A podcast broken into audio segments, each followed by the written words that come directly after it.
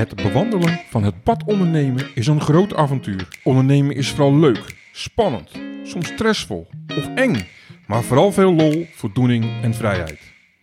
Eén jaar deur aan deur is gelijk aan een studie van vier jaar. Door naar andere ondernemers te luisteren, raak je geïnspireerd, hoor je die tip, krijg je dat ene idee of trap je niet in die valkuil.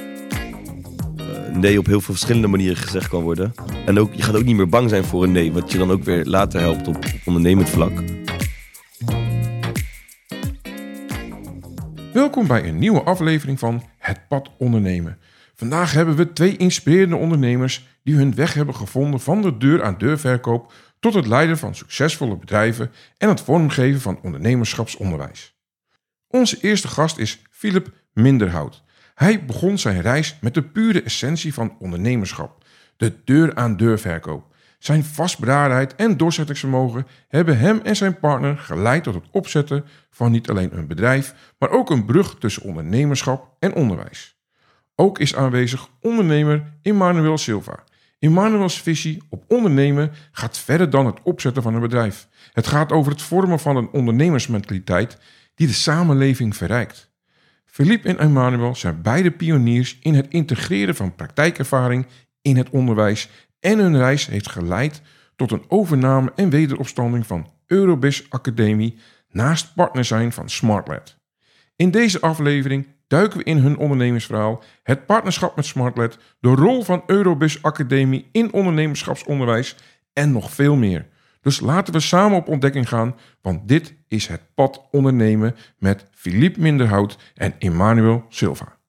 Welkom Philippe en Emmanuel. Dankjewel. Ja, Dankjewel. leuk dat ik hier eh, mocht zijn in Schiedam. In het mooie kantoor. En chic. Heel chic. Een heel chique bar. Ja, hartstikke welkom. Ja, Ja. wij hebben elkaar ontmoet tijdens eh, een bijeenkomst in de Raad van Advies van Newwire. Klopt. En daar vertelden jullie over hoe jullie zijn begonnen. En toen dacht ik, ja, die gasten die wil ik echt graag spreken in mijn podcast. Van deur tot deur. Klopt. Klopt hè? Ja. Maar voordat we daar gaan beginnen, even een kleine introductie van jezelf. We beginnen met Filip. Ehm Philip Minderhout, 30 jaar oud. Ben opgegroeid in eh, Den Bosch. Gaan studeren toen in eerste instantie in Breda. Heb ik het afgemaakt in Amsterdam. Toen eigenlijk op het werkveld begonnen. Ja, eigenlijk vanuit daaruit doorgerold naar mijn eerste ja, echt volledige baan. En van, ja, vanuit daaruit de hele stap gemaakt naar het ondernemen. Oké, gaaf. En Emmanuel? Ja, mijn naam is Emmanuel Silva, eh, 33 jaar, vader van eh, drie kids. Zo. Eh, Lekker geboren en getogen in Rotterdam. En eh, mijn ouders zijn eh, van Cafridiaanse komaf eh, hier naartoe gekomen. Ik ben de jongste van drie, eh, drie kids van hun. Eh, eigenlijk, als je mij had gevraagd eh, toen als jonge jongen, jij gaat ondernemer worden, had ik je uitgelachen. Ja joh? Ja, ja, Ja? ik had nooit echt de behoefte om. eh, ik was zo'n kind die vroeger zei: ehm, Weet je, later als ik groot ben, ga ik een, een leuke baan vinden. En dan ga ik een baan vinden die tot vijf uur duurt. Dan ga ik naar huis. En hoef ik nooit meer huiswerk te maken.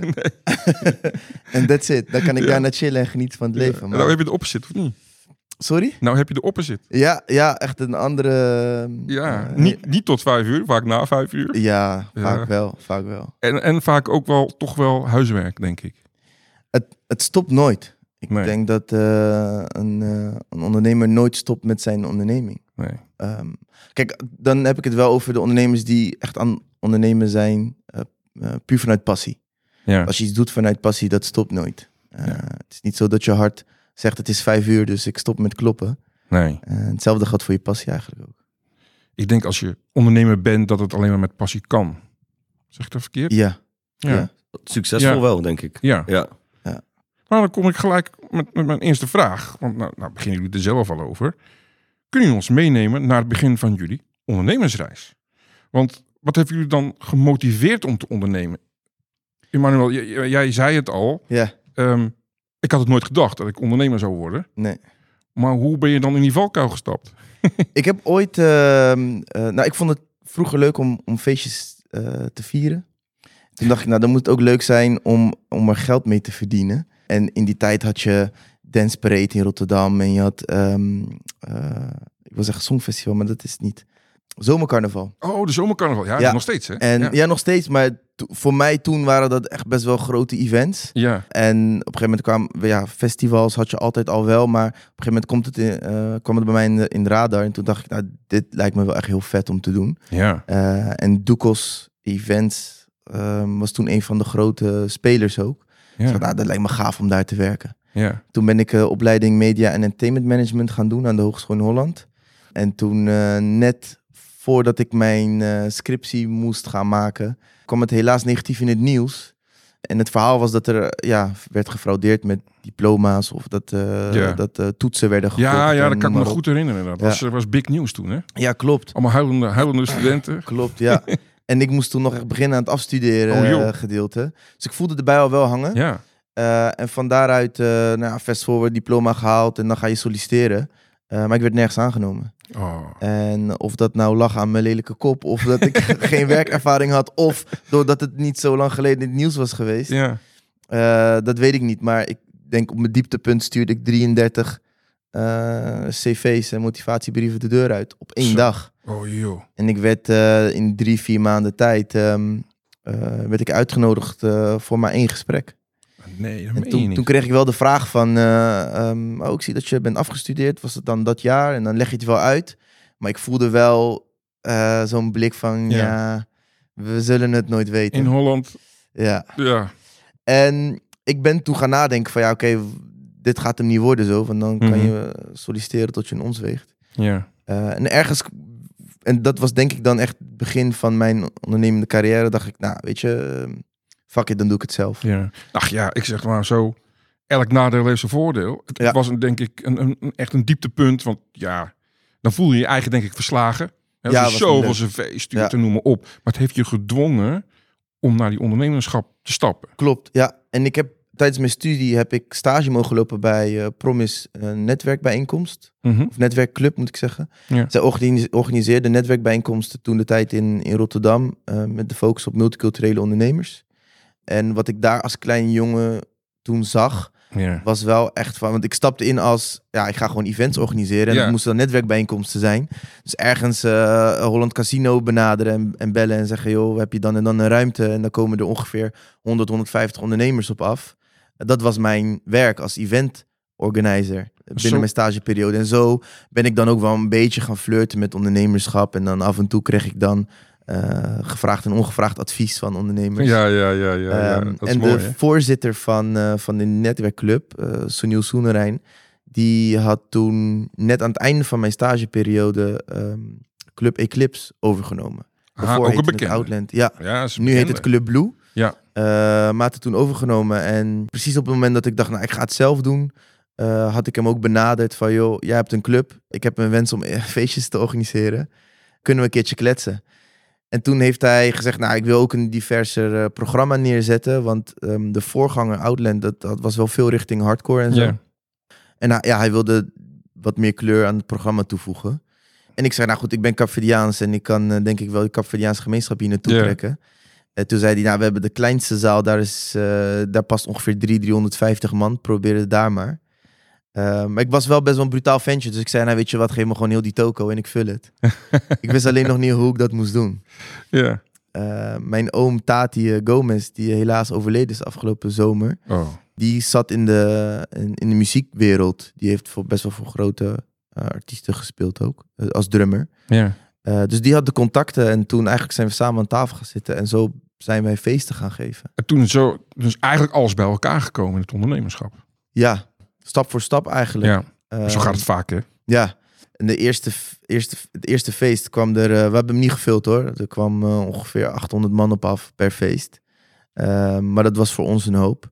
En Ja. zo ben ik eigenlijk een beetje in aanraking gekomen met ondernemerschap. Ah, En, en, Philippe, hoe, hoe, hoe is dat bij jou begonnen? Ben je ook met feestjes begonnen? Of niet? Nee, nee, Nee? eigenlijk niet. Nee, nee. Bij mij is het ehm, ja, op een redelijk ja, aparte manier gelopen. Ik, eh, ik was aan het afstuderen en ik eh, werkte bij een bedrijf op eh, de Zuidas in Amsterdam. Ja. Eh, daar deed ik mijn, mijn scriptie. En toen ehm, eh, kreeg ik daar aan het einde van mijn scriptie ook een baan aangeboden. Maar dat was best wel 9 tot 5, kantoor. Nou, ik was toen 21. Het, dat trok mij niet echt. Dus nou, die heb ik echt geweigerd met... ehm, eh, veel teleurstelling vanuit mijn eh, vaderskant. toevallig. Ja, ja, vooral ja, van, joh, in eh, stabiliteit en waarom doe je dat niet? En is een toffe kans. Ehm, waarop mijn antwoord was van, ja, maar die, dat kan ik altijd nog doen. Ik was meer benieuwd van, wat is er nog meer dan ja, eigenlijk dat pad vanuit school direct doorstromen naar een baan. En ja, dat dan maar doen tot het einde der tijden. Eh, en daarnaast had ik twee bijbaantjes als... eh, ik werkte in de horeca achter de bar. Dat heb ik eigenlijk altijd gedaan in mijn jeugd. En eh, dat vond ik echt tof om te doen. Ja. En ik was privéchauffeur. Eh, Oh, dus, ja, ik ook gaaf eigenlijk dat. ja, veel ondernemers of mensen met hoge functies van, van A naar B. Ja, ik was dus weg van mijn stageplek. Toen had ik alleen nog die twee dingen. Dus ik deed overdag voornamelijk chauffeurklusjes. En in de avond werkte ik dan als barman in de horeca. En dat deed ik toen een aantal maanden. En toen zei ik was, ja, ik denk die leeftijd ook een beetje arrogant. Eh, mijn moeder kwam toen een keer thuis en zei mijn ma van... joh, is het geen tijd dat je een keer een cv in elkaar gaat zetten? En toen zei ik, ik weet nog precies, ik zei... ma, zij moeten moeite voor mij doen. Ik ga geen moeite doen voor een bedrijf. En ze mogen hartstikke blij zijn als ze met mij mogen werken. Ja, the right attitude. En eh, toen keek mijn moeder me aan, want die weet natuurlijk hoe het in de echte wereld werkt. En die dacht echt, joh, die gast is niet goed. ja, ja, ja. Maar toen had ik ehm, eh, ehm, eh, iemand in de auto die ik van A naar B moest brengen. Ja. En eh, dat was de, eh, de oude eigenaar van eh, ja, wat momenteel Smarlet heet. Die moest ik nou, vanuit Tilburg naar Den Haag chauffeuren. Was op een door de weekse avond, Ja. wat later op de avond. En nou ja, daar had ik een gesprek mee. Het is ongeveer een anderhalf uur rit. Het was zo gezellig. Ja, we zaten echt die anderhalf uur voorbij te kletsen, om het zo ja, maar te zeggen. En die zei toen tegen mij van... Goh, ik heb een best wel groot marketingbureau. Ongeveer twaalf vestigingen door heel het land zitten. En Ja. zou je het niet wat vinden om daar een keer te komen kijken? Toen dacht ik van, nou ja, waarom niet? Hè? Eh, Nooit Ja. geschoten is altijd mis. Ja, zo gezegd, zo gedaan. Toen ben ik eh, met de commercieel directeur destijds contact opgenomen. En toen op gesprek geweest. En eigenlijk zo gestart in, in de salesbranche. En ja, anderhalf jaar later voor mezelf doorgezet met eh, hulpmiddelen die Smartlet destijds me al bood. Zo. En ehm, nou ja, nog geen twee jaar later denk ik eigen vestiging met 30 man in dienst. En eh, Mhm. ja, vol aan het draaien. Dus Ja. vanaf toen is het wel echt eh, ja, heel hard gegaan eigenlijk. Ja, wat ik wel mooi vind aan die verhalen, want daar heb ik het ook wel vaker over. Ik schrijf er ook wel eens over. Wees open over hetgene wat je wilt doen. Praat met ze en dat soort dingen. Dan kom je ook vaak de juiste personen tegen. Hè? Dat geldt voor jou, Emmanuel, maar ook voor jou, eh Ja. Philippe. Ja, want ik was wel toen echt zoekende. Eh, maar ik wist wel dat echt het 9 tot 5, dat standaard, dat kantoorleven wat ik toen leidde, ja, met mijn scriptie schrijven en dat afstuderen. Dat ik wel wist van, ja, dat is het dan voor mij echt nog niet. Nee. Eh, misschien is dat, was het ook leeftijdsgebonden. Eh, ik was, ja, wat ik zeg, ik was 21 toen ik eh, klaar was met mijn studie. Mhm. Maar ik wist wel zeker dat dat het nog niet was op dat Ja. moment voor mij. Ja, toen verder gaan zoeken en eigenlijk zo erin gerold. Maar wat ik begrepen heb, jullie zijn beide begonnen met van deur tot deur verkoop. Toch? Klopt. Eh, ja, binnen, binnen de organisatie Smartlet. Eh, nu zijn we aandeelhouders. Ja. Maar we zijn inderdaad gewoon begonnen met eh, deur aan deur Dus jullie zijn echt op de bottom gewoon begonnen. ja. Klopt. En als ik de meeste mensen hebben de grootste hekel aan deur deur verkopers. Ja, Want daar, hing- daar, daar hangt dan denk ik een stigma of zo, hè, Ja. heeft het. Maar ik echt als, eh, als echte verkoper ook. Ik ben opgegroeid in de retail, Mhm. altijd, al vanaf mijn achttiende. Vind dat wel het meest hardcore sales. Klopt dat? Nou ja, hardcore vind ik dan niet de juiste benaming. Ja. Ehm, het is wel een intensieve vorm van sales. Ja. Ik vergelijk het wel altijd met topsport. Kijk, een, een topsporter die, die speelt vandaag, eh, laten we zeggen, een voetbalwedstrijd. Mhm. Als hij er vandaag eh, drie inprikt, Mhm. dan is hij een goede voetballer. Maar als hij dan de wedstrijd daarna eh, twee eigen doelpunten maakt, dan ja, verandert natuurlijk ook wel het beeld van die voetballer. Ja. En dat is in onze branche, als we het hebben over door-to-door, is het ook zo. Ja? Je, je, ehm, het is wel zo dat er je bent constant eigenlijk weer iedere dag jezelf opnieuw aan het bewijzen. Vaak wordt er dan wel gedacht van, nou, er is ergens een, boven, eh, bo- een boze eh, eh, directeur die dan iedere keer naar beneden roept, iedereen moet zoveel mogelijk scoren. ja, ja, want dat is wel het beeld erbij, Ja. Maar dat is dan niet het geval. In ieder geval niet binnen onze organisatie. Kijk, de, ehm, waar ik het over heb, de topsport, dat is wel vaak hoe de adviseurs er zelf ook over nadenken. Ja. Want die willen iedere dag kijken van oké, ehm, ja, wa- wat is mijn persoonlijk record en hoe kan ik mezelf verbeteren? En je komt jezelf ook natuurlijk heel erg tegen. Ja, want dat lijkt me dan dat lijkt me het allermoeilijkste. Ja, ik denk omdat je... ehm, kijk, als ik kijk naar mezelf... Toen ik, toen ik erin begon in 2013... begon ik op het project Ziggo. Hadden echt toen al best wel veel projecten. Mhm. Eh, en ik begon op het project Ziggo en ik dacht, nou, dit doe ik wel even. Ik had een dagje meegelopen eh, met een dame en ehm, die, die, die deed twee, drie klanten binnenhalen, echt binnen anderhalf uur en alles op charme. Dacht ik, Ja. nou, wat zei ik aan, dat kan ik ook. Dat is zo makkelijk. Ja. En toen begon ik zelf en toen, eh, nou, ik viel zwaar door de mand. Ja, ja, ja. viel toen- zwaarder voor de mand. En dan kom je jezelf tegen. Ja. En dan wordt het schakelen van oké, eh, ga je opgeven of ga je echt sleutelen aan vaardigheden en, en proberen eh, met iedere klant opnieuw weer een band op Ja, te bouwen. Want, precies. want dat is eigenlijk hoe het begint. Want zo is het bij jou dus ook begonnen. Want jij bent, jij bent toen met die commercieel directeur gaan praten. Ja, En toen begon je ook gewoon Exact. deur tot deur werken. exact. Nou ja, ik, ik, ehm, ik had al heel snel door dat het een eh, manier is om... Ja, je leert eigenlijk veel snel in een stroomversnelling... waarbij je bij andere vakken het vak sales zou kunnen leren. Want je spreekt heel veel mensen... Ja. En eh, het is ook totaal niet erg om fouten te maken. Dus waar een, nou bijvoorbeeld accountmanager of iemand die eh, een andere vorm van sales doet, bijvoorbeeld 10 of 15 klanten in de maand zou spreken, spreek je op een dag al gauw 30, 40 klanten. Ja. Dus je ontwikkeling gaat ook in de stroomversnelling. Ja. Je maakt veel meer fouten, je voelt veel meer gesprekken. Je voert ook gesprekken met alle type personen van alle lagen van de Ja, maatschappij. ja. Wat, ma- wat jou heel erg flexibel maakt ook. Precies, dus je doet ook echt een, eh, een, eh, een hele hoop mensenkennis op in zeer korte tijd. Mhm. Waar je denk ik bij andere jobs daar echt jaren over zou doen, kan je het echt al in Mhm. een half jaar ja, allerlei types en, en dingen tegenkomen Ja. die, eh, ja, dat gaat, het gaat net wat sneller. Ja. Eh, en ik vond dat gedeelte er ook leuk aan. Dus ik wist dat ik fouten mocht maken en ik wist ook dat ik daar alleen maar sneller van zou leren. Eh, op die manier. Maar ik denk wel, het moet toch ook wel in je bloed zitten. Want even, gewoon even een beeld schetsen. visueel. Jij zegt net Sigo. Dus nou, Ja. ik ga ergens Rotterdam in, Rotterdam-West.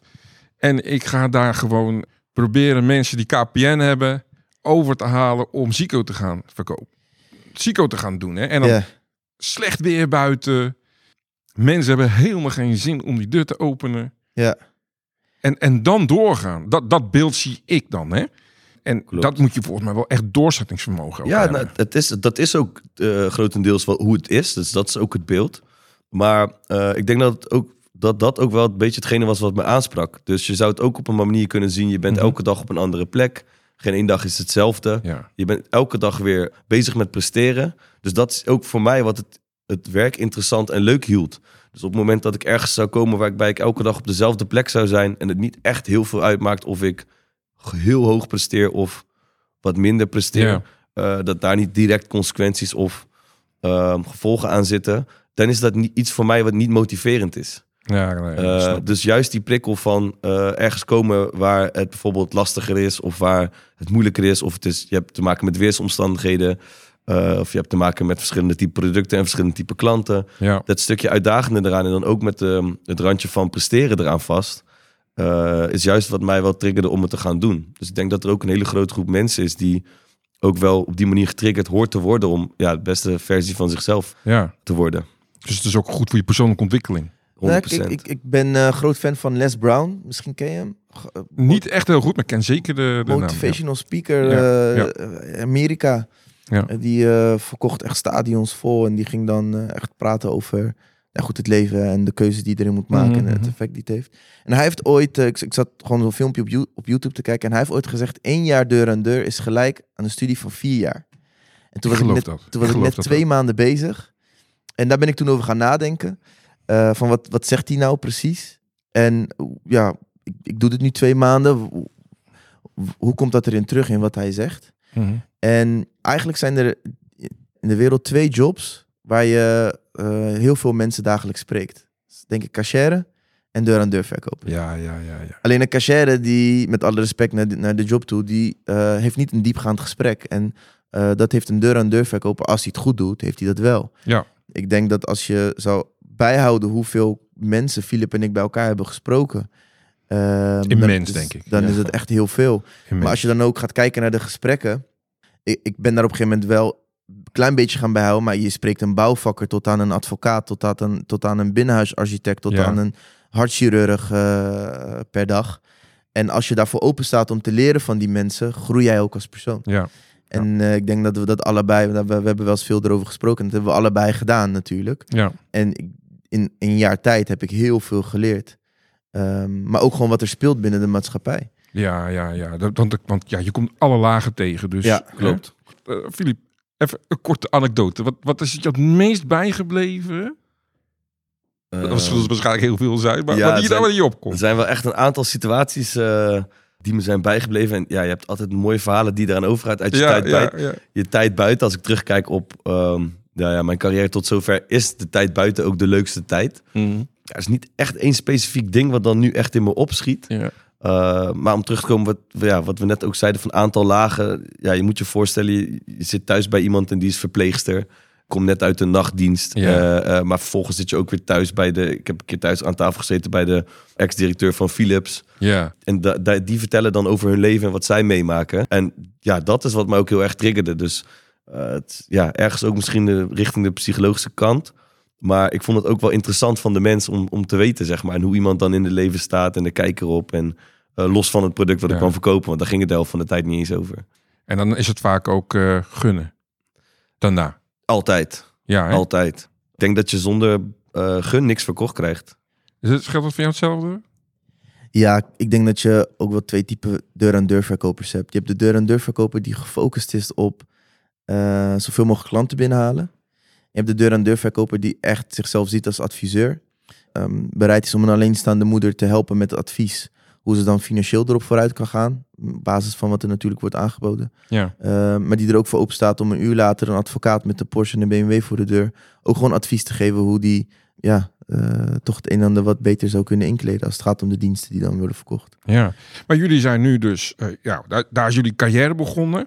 Jullie zeggen al, nou, door dit te doen gaat je ontwikkeling zo snel als het gaat om sales. Uh, maar ook als het gaat om je eigen barrières te overwinnen. Maar ook om bezwaren te weerleggen, denk ik. Uh, maar ook inderdaad om op allerlei, nou, laten we even zeggen, uh, lagen te communiceren. Zeker. Ik denk dat een van de belangrijkste stukken daarbij ook komt heel goed tegen een nee kunnen. Ja, dus uh, je wordt als, als persoon ook, nou ja, harder wil ik niet per se zeggen, maar je, je, kan wel, je gaat wel beter tegen een stootje kunnen. En je gaat snappen dat uh, nee op heel veel verschillende manieren gezegd kan worden. En ook, je gaat ook niet meer bang zijn voor een nee, wat je dan ook weer later helpt op, op ondernemend vlak. Dat dat niet meer een big deal hoeft te zijn of iets waardoor je bijvoorbeeld iets moet gaan laten. Ja. Uh, nee is vaak pas waar het begint. Maar zo ben je ook dan op een gegeven moment geprogrammeerd. Dus er zullen een hoop mensen zijn die, die dat graag willen leren om daar heel goed mee om te gaan. Dus, en dan moet je eigenlijk gewoon een jaartje deur-tot-deur verkoop doen. Dat is eigenlijk wat jullie zeggen. Minimaal wel. Ja. Ja. Minimaal.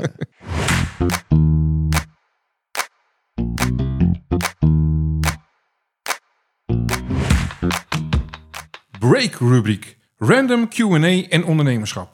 Even wat anders en dan gaan we weer verder met onze gast.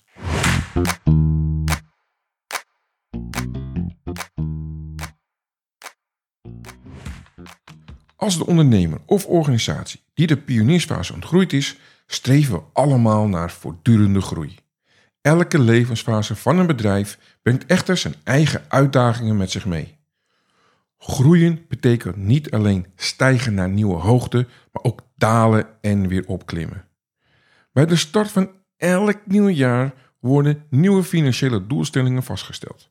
Vaak berekend en geanalyseerd door financiële managers of directeuren en goedgekeurd door de algemene directie of eigenaar.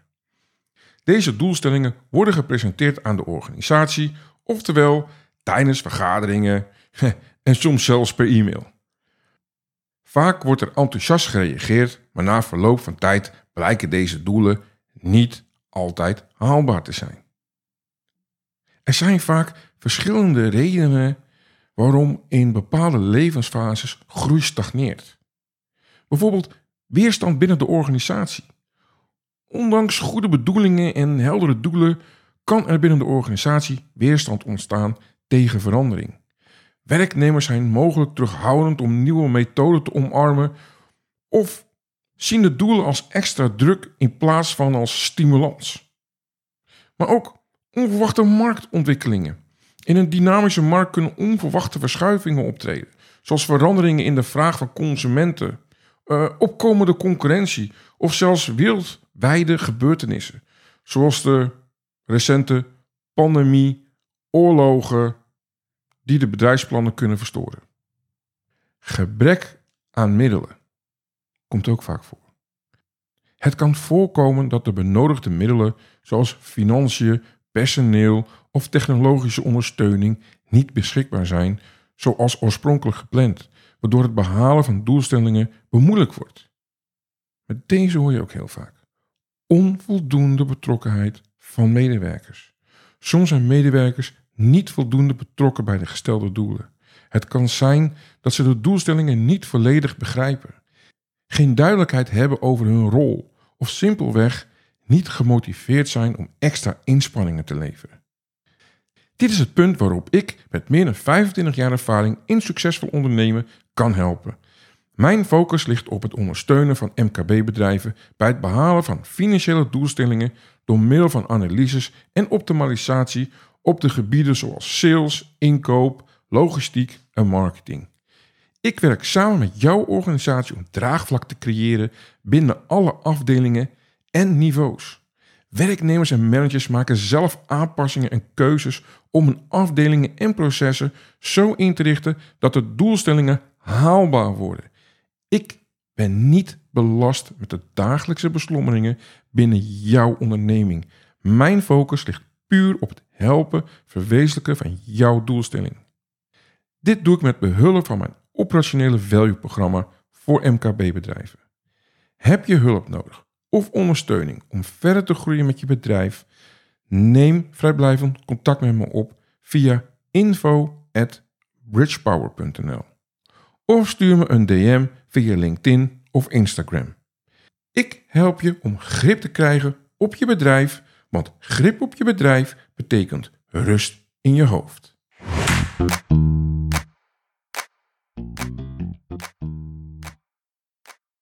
Maar jullie zijn dus, bij, jullie zijn alle twee bij Smartlight begonnen. Ja. Dat vind ik heel interessant. Daar zijn jullie eigenlijk gewoon inderdaad met deur-tot-deur verkoop begonnen. Ja. Hoe zijn jullie dan van daaruit in het ondernemerschap terechtgekomen en, en een stukje partnership? Want dat is ook niet voor iedereen weggelegd. Nee, kijk, de, de organisatie waar zij heel erg voor eh, stonden toen en waar we nu nog steeds voor staan, is ehm, gebaseerd op equal opportunity. Dus dat betekent dat iedereen de mogelijkheid heeft om door te groeien, zolang je maar laat zien dat je kwaliteit hoog in het vaandel hebt zitten. Dus Ja. waar ik het net over had, die twee typen verkopers, eh deur- en deurverkopers die er bestaan, wij kiezen echt alleen maar om te werken met verkopers die zichzelf zien als een adviseur die kwalitatief het gesprek wilt voeren met klanten en echt, echt klanten wilt helpen.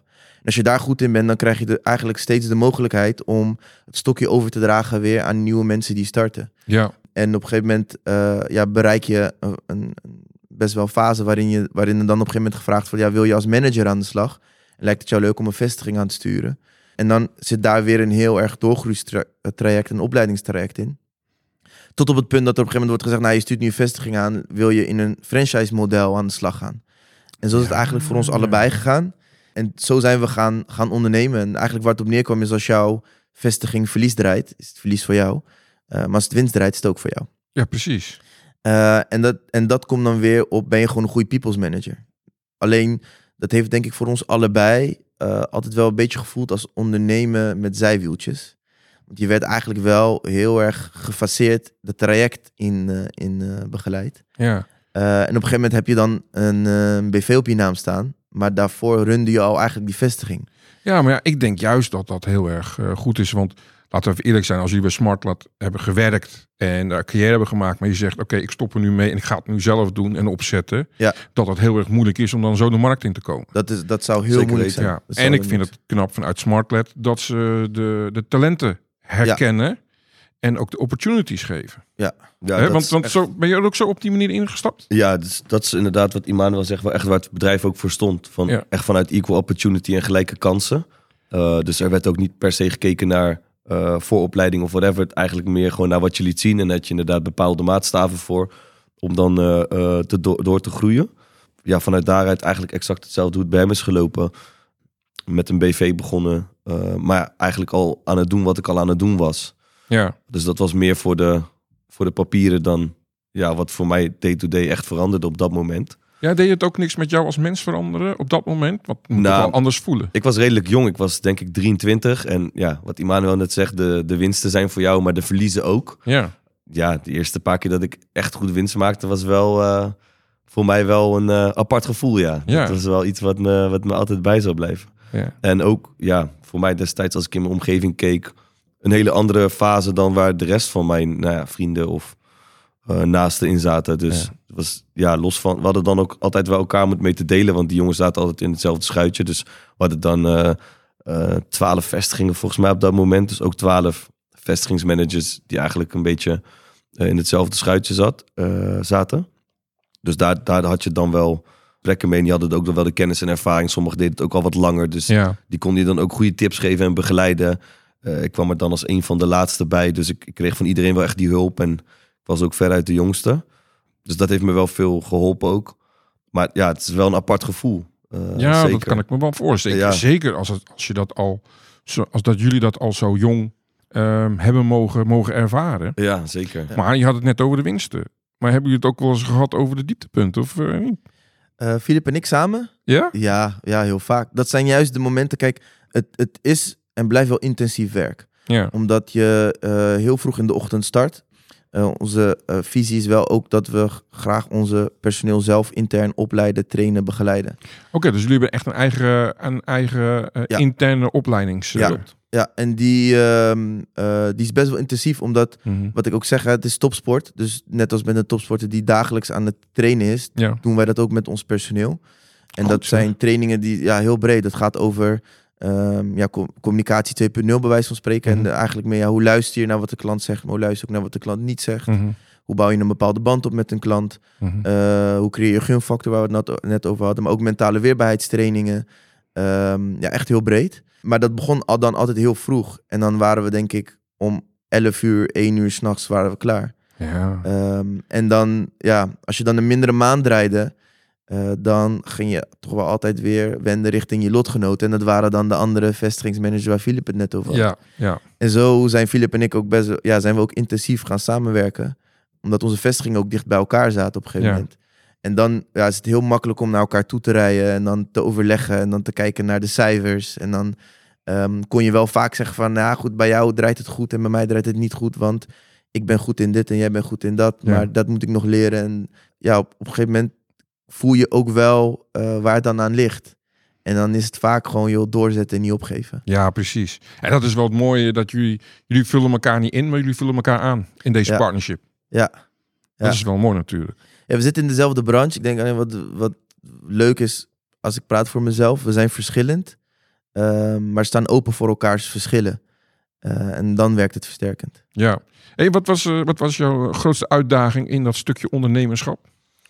Administratie in het begin. Ja. ja, want dat werd, ehm, dat werd wel dan eh, echt van jezelf verwacht natuurlijk. En er komt ook best wel veel bij kijken. ja. Dus eh, nou ja, op het moment dat je eh, ja, gelijk met een x aantal medewerkers in je BV begint, personeelsdossiers, dat soort dingen, administratief werk, BTW, nou ja, eigenlijk alles, het hele rattenplan wat erbij komt kijken. Dus Mm. heel snel op zoek gaan ook naar een goede accountant. Ja, proberen zoveel mogelijk daar ook neer te leggen. Ehm, eh, dat, dat vond ik wel een van de uitdagendste stukken. Want ik, ja, ik, ik ben wel iemand die graag alles goed wil doen. ja. En voornamelijk ook op dat gebied. Omdat je ja, niet wil dat het een, eh, een zooitje wordt, eh, administratief gezien ook. En je wilt alles goed blijven bijhouden en door de bomen het bos blijven zien. Dus dat was voor mij in het begin wel best wel een uitdaging. Maar voor de rest, wat ik net ook al zei, deden we op dagbasis al gewoon eh, wat we deden. Dus daarin veranderde er niet gek veel. Nee. En ja, ik was daar, wat Immanuel net zegt, ook zoveel uur per dag mee bezig dat je in een soort van roes zat. Ja, van dag tot dag. Dus echt van ochtends vroeg tot avonds laat. Vijf dagen in de week. En dan deden we ook nog zaterdag halve dagen. Dus nou, van maandag tot met vrijdag was ik sowieso onzichtbaar thuis. En zaterdag het grootste deel van de ochtend en middag ook nog. Dus dan, eh, ja, dan hou je echt een beetje zaterdagavond en zondag over. En dan begon maandag begon het weer opnieuw. Eh, dus je, komt ook in een bepaalde soort ja, roes terecht die, ehm, ja, die, waar je niet over nadenkt dat je in zit. Maar achteraf gezien was dat ook best wel een uitdaging. Ja, dat kan ik me Eh, wel voorstellen. Want ja. je, je, je privé zakenbalans. Ja, die was, eh, was geen balans. Er was die, geen Die was er niet. Nee, op dat moment was er amper balans. Ja, was dat voor jou ook zo, Emmanuel? Ja, ja. Ja. Hoe, hebben, hoe hebben jullie dat beter kunnen krijgen? Of, of zeggen jullie van nou nog steeds niet? Covid eigenlijk. Eh, Ja? Ja, voor Heeft mij wel geholpen? echt. Ja, heel erg. Ehm, nou, dat is voor ons best wel een abrupte tijd, omdat we natuurlijk veel met face-to-face werken. Ja, dat, komt toen niet meer. Natuurlijk. lag het toen ineens eh, ja, van gekte stil. ja. Ehm, en ja, dat start al wel redelijk snel weer op. Dus ik denk dat we effectief echt twee, drie maanden echt vrij weinig konden doen. Mhm. En toen kwam je natuurlijk vanuit die roes van x aantal jaren zo hard doorrennen ineens ja, tot stilstand bijna. Ja. En dan ga je toch ineens wel ja, soort van reflecteren en nadenken en bekijken van goh, ja, hoe deed ik het eigenlijk destijds en is dat nog wel de manier? Ehm, waarop ik zelf ook al wel snel erachter kwam van goh, misschien zou een, inderdaad een balans creëren met oog op de toekomst. Ja. Om het zo lang nog vol te gaan houden, eh, wel eh, belangrijk en goed zijn. Dus toen we wel weer mochten opstarten, heb ik hem, hebben we hem, ja, ik denk ook in samenspraak met elkaar wel zo ingekleed in ieder geval. Dat het eh, zowel voor ons, maar ook voor het personeel veel beter te combineren valt qua werk en privé. Ja. En dat het ook gewoon even belangrijk is. Nou, zo- dan, dan is het ook wel goed dat, de- dat, dat de COVID er geweest is. Want Ja. volgens mij zijn jullie ook wel gasten die af en toe een harde les nodig hebben, of niet? Eh, ja, we hebben af en toe wel eh, slagen van de zweep nodig om even pas op de plaats te doen en dan weer Ja. over na te denken. Ja. Eh, en dat, dat was wel een aardige, aardige slag in COVID-tijd. Toen had je zoiets van, hé, hey, mijn kinderen. Ik, nou, ik heb best wel jonge kinderen, Ja. eh 4, 2 en 1. Oh. Ja, dus die... Dus ehm, in de COVID-tijd. in de COVID-tijd, eh, ja. Ja. ja. Ehm, maar ik, ja, ik kijk, ik, mijn omgeving, dus mijn familie ook. Ik ben best wel een familiemens. Op een gegeven moment koos ik er echt wel heel bewust voor om gewoon keihard te werken. En ik denk dat het voor iedere ondernemer ook zo is. De eerste paar jaren moet je gewoon ploeteren. Ja. Eh, dus ik denk dat wij daarin niet heel erg eh, verschillen met andere ondernemers. Nee, nee. Eh, ik denk alleen dat eh, we er zoveel mee bezig waren dat we soms niet durfden te testen ehm, van joh, wat gebeurt er als ik het even loslaat? Ja. Wat gebeurt er als ik als persoon even gas terugneem? Eh, blijft de business dan door- doorlopen of stort het in? En het is eigenlijk Philip die een keer tegen mij gezegd heeft van joh, als jij, eh, als jij echt alles zelf moet blijven doen, wat voor, wat voor ondernemer ben je dan? Ja, dat, dan gaat het niet werken. Dan gaat het niet werken, nee. Nee, dus ehm, nee. Toen dacht ik, nou weet je wat, challenge accept, accepted. Ik ga het eh, pro- Ja, proberen ja, los te ja. laten meer. Ja, grip, grip. Ik zeg altijd, grip op de zaak Ja. zorgt voor rust. Zeker, zeker. Alleen dat kun je niet doen door zelf altijd maar in die operationele tunnel aanwezig te zijn. Je moet er ook Ja. bovenuit stijgen. Ja. En Maar- natuurlijk vertrouwen hebben. En maar goed, jullie zijn goed in opleiden, hè, Ja. wat jullie al zeggen. Vertrouwen hebben in de mensen die, die voor je werken. Ja, maar het, het- kijk, het gevaar zit hem ook wel in wat, wat je zegt. Dus dit, in het opleiden, dat deden we best wel intensief. Ja, Ehm, op een gegeven moment bouw je ook band met personeel op. Ja. En eh, wat bij ons heel belangrijk is, is people management. Je Mhm. moet natuurlijk je personeel constant gemotiveerd en geïnspireerd houden. Ehm, maar ook dat, dat de vaardigheden steeds blijven ontwikkelen. Ja. En omdat je dat, dat zo intensief mee bezig bent, eh, is dat, maakt dat natuurlijk ook wel lastiger om het los te laten. Want je laat voor je gevoel, laat je mensen los. ja, ja. ja. maar Eh, doen jullie dan zelf echt nog steeds de opleidingen ook? Of hebben jullie nou inmiddels ook trainers of in dienst? We hebben het wel meer losgelaten. Ja. Eh, maar we doen het wel nog steeds. Ja? Dat we het allebei denk ik ook wel leuk vinden om te doen. Ja, Ik denk dat dat een van de leukste dingen is van onze business. Dus dat zal iets zijn wat ik altijd zal blijven doen. ja. Omdat ik het gewoon leuk vind om te doen ook. Oké. Eh, dus dat, dat zal ik altijd wel blijven doen. Maar we hebben inderdaad wel, inderdaad afgelopen jaren wel veel meer mensen op plekken gezet die dat even goed kunnen, eh, zo niet beter. Zodat je ja, inderdaad zelf ook wel met andere dingen bezig kan, kan houden dan echt elke dag de day-to-day, zeg maar. Mhm, mhm. Eh, ik denk dat het ook wel nodig is. Omdat Ja. je anders misschien het gevoel gaat hebben dat je ook stil gaat staan. Eh, maar het is- ik vind het wel de leukste facetten van de business eigenlijk. Nog steeds het opleiden en trainen. Dat is wel... Maar dat- Dat is denk ik, is dat wel een van de succesfactoren voor jullie? Dat jullie zoveel succesvol zijn? Ja, binnen Smartlet bedoel je? Of, ja, nou überhaupt met Smartlet natuurlijk. Maar als Eh, zeker ja. jullie, jullie als partners en als vestiging. Ja, wat Smartlet groot heeft gemaakt, en nog steeds wel aan, aan de top houdt, is wel dat wij eh, intensief personeel trainen en begeleiden en coachen. Eh, maar ook dat de kwaliteit heel hoog hebben zitten. Dus wij willen juist niet een door- door-to-door salespartij zijn die alleen maar focust op salesrammen, salesrammen, salesrammen. Ja, precies. En ik denk dat dat ook op een gegeven moment is gaan opvallen. eh, en waardoor, waardoor we nu kunnen zeggen dat we met echt grote aanmerken eh, werken. Ja, En ja, dat, dat is. eh, ik ben blij dat in het verleden die keuze gemaakt is. ja, dat geloof ik. Maar of jullie het nou nog niet genoeg, of nou eigenlijk heel druk al hebben met Smartlet, Mhm. zijn jullie ook nog een andere avontuur ingestapt, zag Ja. ik. Hè? Klopt. En eh, hebben jullie een overname gedaan Ja. en een soort wederopstanding van een eh, academie, Eurobis, Ja. wat ook weer ondernemerschap met onderwijs verbindt. Ja. Dus daar ligt wel een groot deel van jullie passie. Wat hebben jullie toch geïnspireerd om deze brug te slaan? Ehm, nou ja, ook dat is weer, als je me had gezegd, je gaat later ondernemen en je gaat zelfs een bedrijf overnemen, had ik, had ik, had ik vroeger niet geloofd. Ja. Nee, wat Filip net zegt, kijk, eh, trainen en begeleiden, dat is een passie eh, wat nog, wat, die we nog steeds hebben. En Mhm. die, we eigenlijk, die we dus ook best wel veel doen nog, eh, als we kijken naar onze weekplanning. En op een gegeven moment is dat gaan opvallen, dus ook bij de partners waar we, waar we mee samenwerken, hebben we op een gegeven moment wel gezegd van, joh, hey, dat doen jullie leuk, kunnen jullie dat ook een keertje bij ons komen doen? Zodat organisch een beetje gaan groeien. ja. Eh, zijn we trainingen gaan geven voor, voor derden. En toen dachten we, nou, dit, ehm, eh, dat- ja, dat beestje moeten we een naampje geven en daar moeten we wat mee doen. En zo hebben dat toen ook gedaan voor Eurobis Academy, die al bestond hoor. Eh, die Mhm. is in 2015 of 16 opgericht. Mhm. En het idee was ehm, eh, om lesprogramma's aan te bieden bij scholen. eh, om ondernemerschap te introduceren. Met veel focus op de praktijk. ja. Dus eigenlijk neus uit de boeken halen en gewoon aan de slag gaan. En daar hebben wij toen trainingen voor gegeven in het verleden. Aha. En op een gegeven moment ehm, kwam ook daar COVID. En toen ja, kwamen er eigenlijk achter dat het financieel een zinkend schip was. Hmm. En toen eh, eh, heb ik daar gesprekken mee gevoerd met de, met de oprichter. En, gevraagd, en eigenlijk gezegd van ik geloof in het concept. En eh, misschien is het wel goed om eh, met mij als investeerder erin te praten. En zo hebben we eigenlijk samen dan uiteindelijk met Philip zijn we die gesprekken gaan voeren.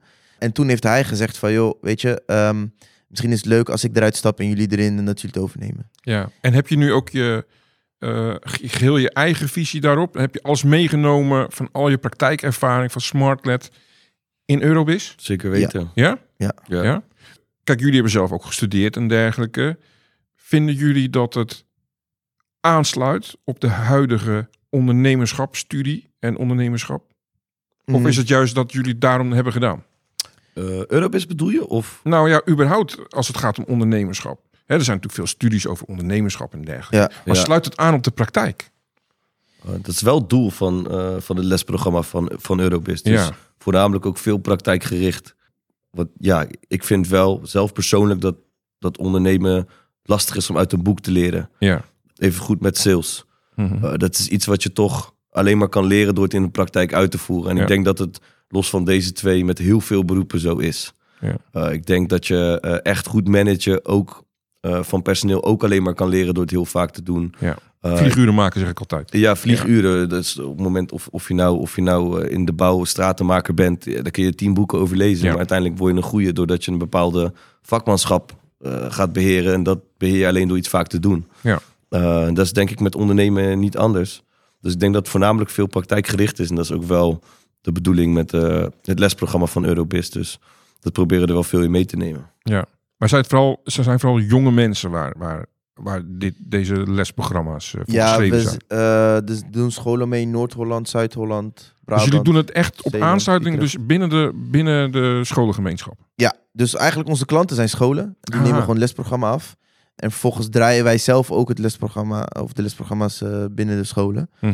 En eigenlijk wat we doen is ondernemers eh daar naartoe sturen. Die dan ehm, ja, intensief met die eh, studenten aan de slag gaan en echt een onderneming gaan opzetten. Ja, dus ook, de, dus ook de leraren zijn echt ondernemers Eh, geweest. Of, Nee, de, de, de, oh ja, onze, Ja, ja, ja, trainers. ja, we noemen ze geen leraren. Ja. Eh, Ja. We, noemen ze, het zijn, we noemen ze trainers. Aha. Want officieel mogen we ze geen leraar noemen. Kijk, we zijn wel geaccrediteerd als kort beroepsonderwijsinstelling. Mhm.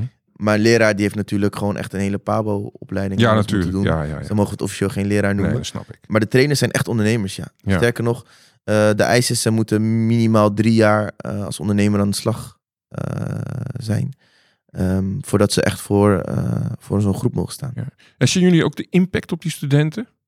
Ja. Als ze er eenmaal mee beginnen? Ja? Kijk, wij, ehm, eh, omdat wij veel focussen op praktijk. Ja. Kijk, binnen onderwijs, eh, wat we zelf hebben gemerkt, spelen een aantal dingen. Het, het dateert nog wel echt uit de jaren ja, 1800 zo. Eh, ja, de, de, de specifieke jaartallen weet ik niet uit mijn hoofd. Maar als we kijken naar hoe onderwijs nu gegeven wordt. ehm, ja, mijn mening loopt het nog best wel een beetje achter. Ja. En wat we merken is dat veel leerlingen wel een vraag hebben. Want ze voelen dat en merken dat ook. Zeker sinds de komst van social media. Ja, ja, Eh, en ik had het vroeger ook, eh, dat ik dacht van ja, weet je, ik krijg nu scheikunde en dat is hartstikke leuk. Ik vond het oprecht een leuk vak, maar heb ik er wat aan ehm, als ik later de grote wereld instap? Ja. En omdat die vraagtekens er heel erg aanwezig zijn, eh, merk je ook wel dat er vanuit de leerlingen zelf behoefte is om, om er wat mee te doen. En daardoor eh, maken we best wel impact op het moment dat er een ondernemer voor een groep gaat staan en zegt, joh luister, dit zijn de toffe dingen die ik al bereikt heb en ik wil dit samen met jullie gaan doen om iets nieuws op te zetten. Zien we een shift eh, in mindset, in Ja? aanwezigheid, ja. En dat is ook feedback die we krijgen eigenlijk van alle scholen. Dat zeggen, joh, wij merken sinds COVID dat het heel moeilijk is om die studenten op gang te krijgen. Motivatie, hè? Ja, maar dat, dat het in de moment, op de momenten dat jullie er zijn, eh, dat zien we echt een hele shift. En dan in één keer komen ze los en komen echt hele toffe ideeën. En ja, daar hebben we genoeg praktijkvoorbeelden van, eh, van ideeën waarvan eh, wij denken, joh, dit, eh, dit is top. Dus echt een goede, goede, goede Ja. onderneming. Haal er eens eentje uit, Filip, van eh, wat je zegt van nou, dat vond ik wel een gaaf idee. Dat is ontstaan. Eh, er was laatst een idee over ehm, het initiatief uit de buurt, toch? Ja, dat, eh, dat was bij gewoon een, een Haags Montessori Lyceum. Ja. Eh, en zij wilden dan eh, ondernemen, maar wel eh, met een maatschappelijk, sociaal-maatschappelijk eh, Ja. tintje. En daar hadden ze echt een heel tof idee. eh, want op een gegeven moment kwam ook het statiegeldverhaal op blikjes en bakjes en noem maar op. Oh ja, ja, ja. Dus toen hebben zij gezegd, wij gaan een, een, een bak neerzetten in de wijk. En daar mag iedereen in de wijk mag kiezen. Of ze gaan gewoon naar de Albert Heijn of op de supermarkt en, en gaan hun statiegeld innen. Of ze droppen de, alle, eh, alle plastic afval daar. En van de gelden die daaruit komen, g- gaat dat weer geïnvesteerd worden in de wijk. En dan, wij konden dan zelf kiezen voor eh, waar, waar, waar het geld dan naartoe ging. Dus dat Ja, kon zijn mooi. een voetbalveldje of een, eh, een basketbalveldje of Ja. een nieuwe speeltuin of nou, noem maar op. En dat was zo tof concept. Ja. Eh, op een gegeven moment werden ze ook gelinkt aan ehm, ja, een investeerder in ons netwerk. En dus de, die, da- die daar ook dan ging- mee ging praten. Ja, mooi is dat, die dat zei dat dan van, joh, ontstaat, hè? Ja, als, Als jullie dit een kunnen is. uitwerken, zei hij, dan ben, ik, ben, ben ik best wel bereid om er eventueel zelf in te investeren of mijn netwerk van investeerders eh, aan te schrijven hiervoor. Ja, zodat ze het in meerdere wijken in Nederland kunnen doen. Ja, ja. Gaaf zeg. Hoe zien jullie nu de toekomst? Smartlet, Eurobest, eh, hoe zien jullie de Ehm, groei? Met Smartlet is, is, ja, dat is voor ons denk ik nu eh, een kwestie van uitbouwen, groter worden. Mhm. eh, dan, dan dat we al zijn. Maar ook voornamelijk op verschillende manieren. Dus eh, los van het traditionele wat we nu doen. Dus dat is echt alleen de saleskant, eh accountmanagement, maar ook voor veel partijen door-to-door. Ja. Eh, misschien kijken naar, zouden we misschien met veel partijen in de breedte kunnen groeien als je vergelijkt met nu en over vijf jaar. Dus dat we over vijf jaar voor veel meer partners die we momenteel hebben ook andere dingen kunnen doen, los van alleen eh, de, de direct sales. ja, Eh, ja, Dus ja. dat we iets kunnen diversificeren en iets meer kunnen groeien in de breedte Mhm. dat lijkt ons heel tof. om vanuit Smartlet ja, eigenlijk een nog een groter organisatie te maken dan wat het al is. Met meerdere ja, functies die we ook kunnen aanbieden. Mhm. eh, waardoor het ja, qua personeel ook veel groter als bestand kan worden dan wat het nu al is. Eh, en dat je ook ja, als organisatie meer kan, kan bieden dan alleen een, een x aantal functies. Ja. ja, snap ik. Dus jullie willen echt jullie dienstenportefeuille gaan uitbreiden Ja, voor jullie klanten. ja, Ja. zeker weten. Ja. En dat vanuit eh, de praktijkervaring die jullie hebben? Ehm, ja, en ja, wat nog niet eens kan nog komen. Dus ook, Ja. ook daarin eh, zijn wij ook bereid om te leren, denk ik. En Mhm. Ik denk op het moment dat we ja, onze commerciële en salesbasis gebruiken, dat we het voor heel veel partijen ook in, in andere diensten veel zouden kunnen betekenen. Want als je zo'n commercieel oog ergens naar hebt en eh, in principe eh, je personeel opleidt zoals wij doen in, in communicatievaardigheden, dat het Mhm. voor heel veel functies ja, heel veel stapjes voor kan betekenen voor iemand die, die wel die training heeft gevolgd en wel precies weet hoe die met een klant moet omgaan en wat die wel kan zeggen of niet kan zeggen. Eh, en die tegen een stootje kan en die snapt ja, dat die mentaal ook af en toe eh, eh, weerbaar moet zijn. Dat, dat heb je natuurlijk bij veel meer functies nodig dan alleen sales. Ja. Dus, dus ik denk dat, dat dat voor ons wel tof zou zijn als we met Smartet over vijf jaar ehm, heel veel in de breedte zouden kunnen doen voor, voor onze huidige partners en eventueel nieuwe partners in de toekomst. Gaaf. En hoe zit het met de Eurobis? Eigenlijk de, de blijven groeien zoals we nu doen. Ja. Eh, dat, dat loopt best wel lekker, moet ik eerlijk Ja, zeggen. dus er zijn steeds meer scholen die er oor naar hebben. Ja, en ik denk dat we ook wel op die manier slim inspelen op eh lerarentekort, die er momenteel is. Ja, zeker. Ehm, ja. En je merkt ook wel dat het wel eh, een, een trend gaande is binnen scholen dat ze een specifieke richting kiezen. Dus in Rotterdam heb je bijvoorbeeld MT010, is nu een paar jaar oud. En die is een, de eerste MAVO-school. Eh, echt specifiek gericht op, eh, op theater en dans. eh, dus echt die creatieve Ah. sector. Maar je hebt ook gewoon veel middelbare scholen die echt focussen op zorg en welzijn. Of alleen echt economie. ja. Dus daar gaan we op inspelen. En we gaan nieuwe lesprogramma's ontwikkelen. een gegeven moment was voor ons wel de vraag van... oké, gaan we de diepte in als het gaat om ondernemerschap? Of gaan we kijken of we in de breedte kunnen groeien? We hebben ook weer niet de illusie dat iedereen gaat ondernemen... eh, Nee, die in een nee. klaslokaal zit. Nee, dat snap ik. Dus ehm, de nieuwe lesprogramma's hebben daar een antwoord op. Ehm, maar we blijven wel altijd focussen op echt die praktijkervaring Ja, binnen de schoolmuren brengen. ja. Zien jullie ook een soort eh, win-win situatie tussen Smartlet en Eurobis? of Ehm, niet? Of zien jullie dat echt los van elkaar? Het staat wel los van elkaar. Alleen ik denk wel dat veel punten eh, die in het lesprogramma zitten wel terugkomen ook in dingen die we ook eh, gebruiken in Smartlet. Ja, ja. Ehm, Maar denken jullie dat ook bijvoorbeeld bepaalde talenten die jullie daar dan tegenkomen voor Smartlet kunnen gebruiken? zou eventueel wel kunnen. Ja, Ja. Dat is niet per definitie maar dat is niet per oogpunt. definitie staat niet in het programmaboekje, zullen we maar zeggen. Nee, Nee. nee, dat Nee, niet. nee. Maar dat, dat zou altijd wel kunnen. Ja. Ja, ja. Ja. Nou, eh, jullie hebben nog een, eh, een hoop te doen. Ja, Ik ga jullie eh, mijn laatste twee vragen ga ik voorleggen. Ik zou zeggen, laten we beginnen met jou, Mario. Geef, ons je, meest, waardevolle les. Blijf geloven in jezelf. Wees bewust van de gesprekken die je voert met jezelf. Ik heb dat wel eens eh, zelf ook meegekregen. Ehm, want we hadden het net over dieptepunten. En dan ga je natuurlijk gesprekken met jezelf voeren. Ja, En als je gesprekken voert met jezelf, moet je eigenlijk bewust zijn van drie dingen. Wie is degene die praat? Wie is degene die luistert? En wie is degene die het gesprek observeert? En vaak merk je dat als je echt in een diep dal zit, die, eh, daar heb ik genoeg van meegehad, ja, dat je ja, ja, negatieve zelftalk hebt. Maar als dan ook weer een negatieve Immanuel luistert naar de negatieve Immanuel die praat, ja, ja, ja, ja. eh, ja, dan wordt het een heel negatief gesprek.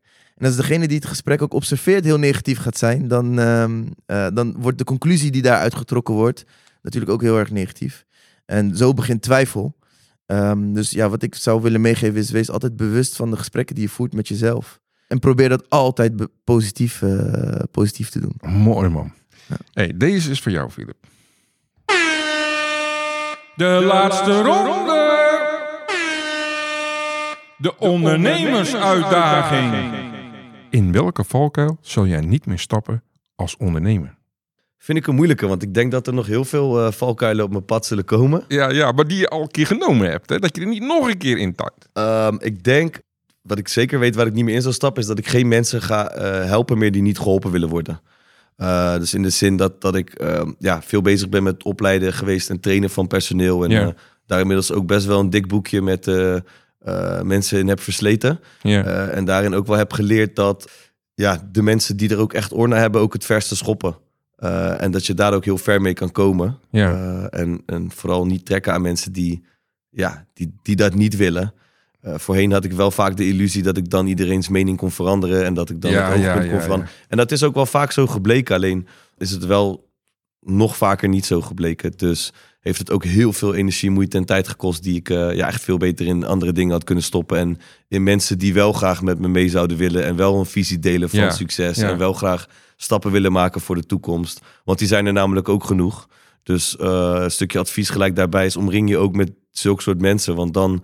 ehm, kijk, positief, dat, dat, is, dat is ook iets wat aan besmettelijk is. ja. Net ja, als absoluut. negativiteit. Dus als Ja. jij heel positief bent ergens in en je wilt keihard werken en je wilt ondernemen en je praat dan met iemand die dat, diezelfde, datzelfde visie deelt, Ja, dan precies. gaat het in een spiraal omhoog. Eh, op het moment dat je dat negatief hebt, ja, gaat het in een spiraal omlaag. Ja, Ja, ja. Dat vult elkaar mooi aan met wat, eh wat eh Emmanuel dus zei. omring jezelf met veel positieve mensen en, en probeer daar al je tijd en aandacht en moeite in te stoppen. Als je iets voor elkaar wilt boksen. Dan eh, het is in ieder geval voor mij eh, de valkuil waar ik niet meer in zou stappen, is dat ik dat ga proberen met mensen die dat niet willen. Heel erg bedankt. Jij bedankt. Het- Het imago van deur naar deur. Nou, die hebben jullie nou mooi, mooi weerlegd. Hè? Want je kan daar heel veel van leren. Een stukje persoonlijke ontwikkeling. Maar je kan er ook hele mooie carrières maken. Jullie zijn het levende bewijs. Ja. En ehm, ja, de ondernemerschap spat er vanaf als ik met jullie praat. Heel erg bedankt daarvoor. Ja, jij bedankt, voor een leuk gesprek. Zeker.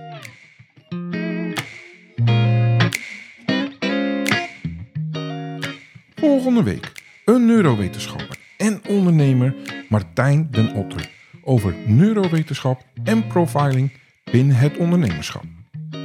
Heb je een uitdaging waar je niet uitkomt? Heb je hulp nodig bij je avontuur als ondernemer? Of ken je iemand anders die hierbij hulp nodig heeft? Wij kunnen je helpen. Ga naar bridgepower.nl en kies contact. Dit kan ook via de social media kanalen. Ik of mijn collega's nemen dan snel contact met je op. Wil je niks missen en alle podcastafleveringen overzichtelijk onder elkaar? Abonneer je dan op deze podcast. Klik in je podcast-app op subscribe of abonneren. En als laatste, je zou me enorm helpen door een review bij mijn podcast te plaatsen. Ga naar de podcast-app waarmee je deze podcast luistert en klik op reviews. Je kan dan bijvoorbeeld 5 sterren geven of een geschreven review achterlaten. Alvast bedankt en tot de volgende podcast van Het Pad Ondernemen.